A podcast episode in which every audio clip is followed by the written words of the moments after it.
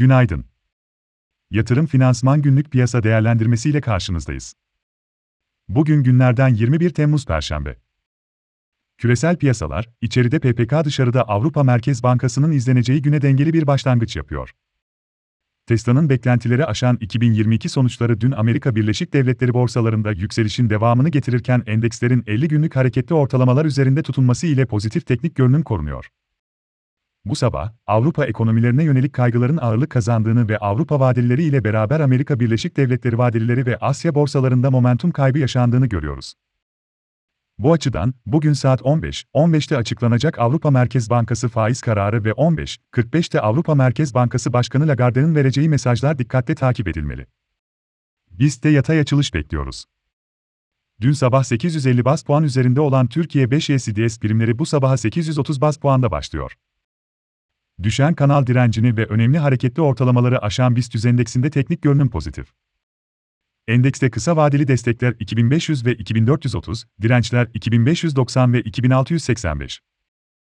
İçeride PPK kararı ve karar metni takip edilecek. Hın %14 olan politika faizinde bir değişikliğe gitmesini beklemiyoruz. Karar metninde ise emtia fiyatlarındaki gerileme ile enflasyonda ileride yaşanabilecek bir gerilemeye dikkat çekebilir ve bu da PK'nın bundan sonraki ilk faiz adımının gevşeme yönünde olacağı şeklinde algılanabilir. İçeride ek olarak 14.30'da Milli Güvenlik Kurulu'nun toplanması bekleniyor. Dışarıda, Avrupa Merkez Bankası faiz kararı ve Avrupa Merkez Bankası Başkanı Lagarde'ın açıklamaları takip edilecek.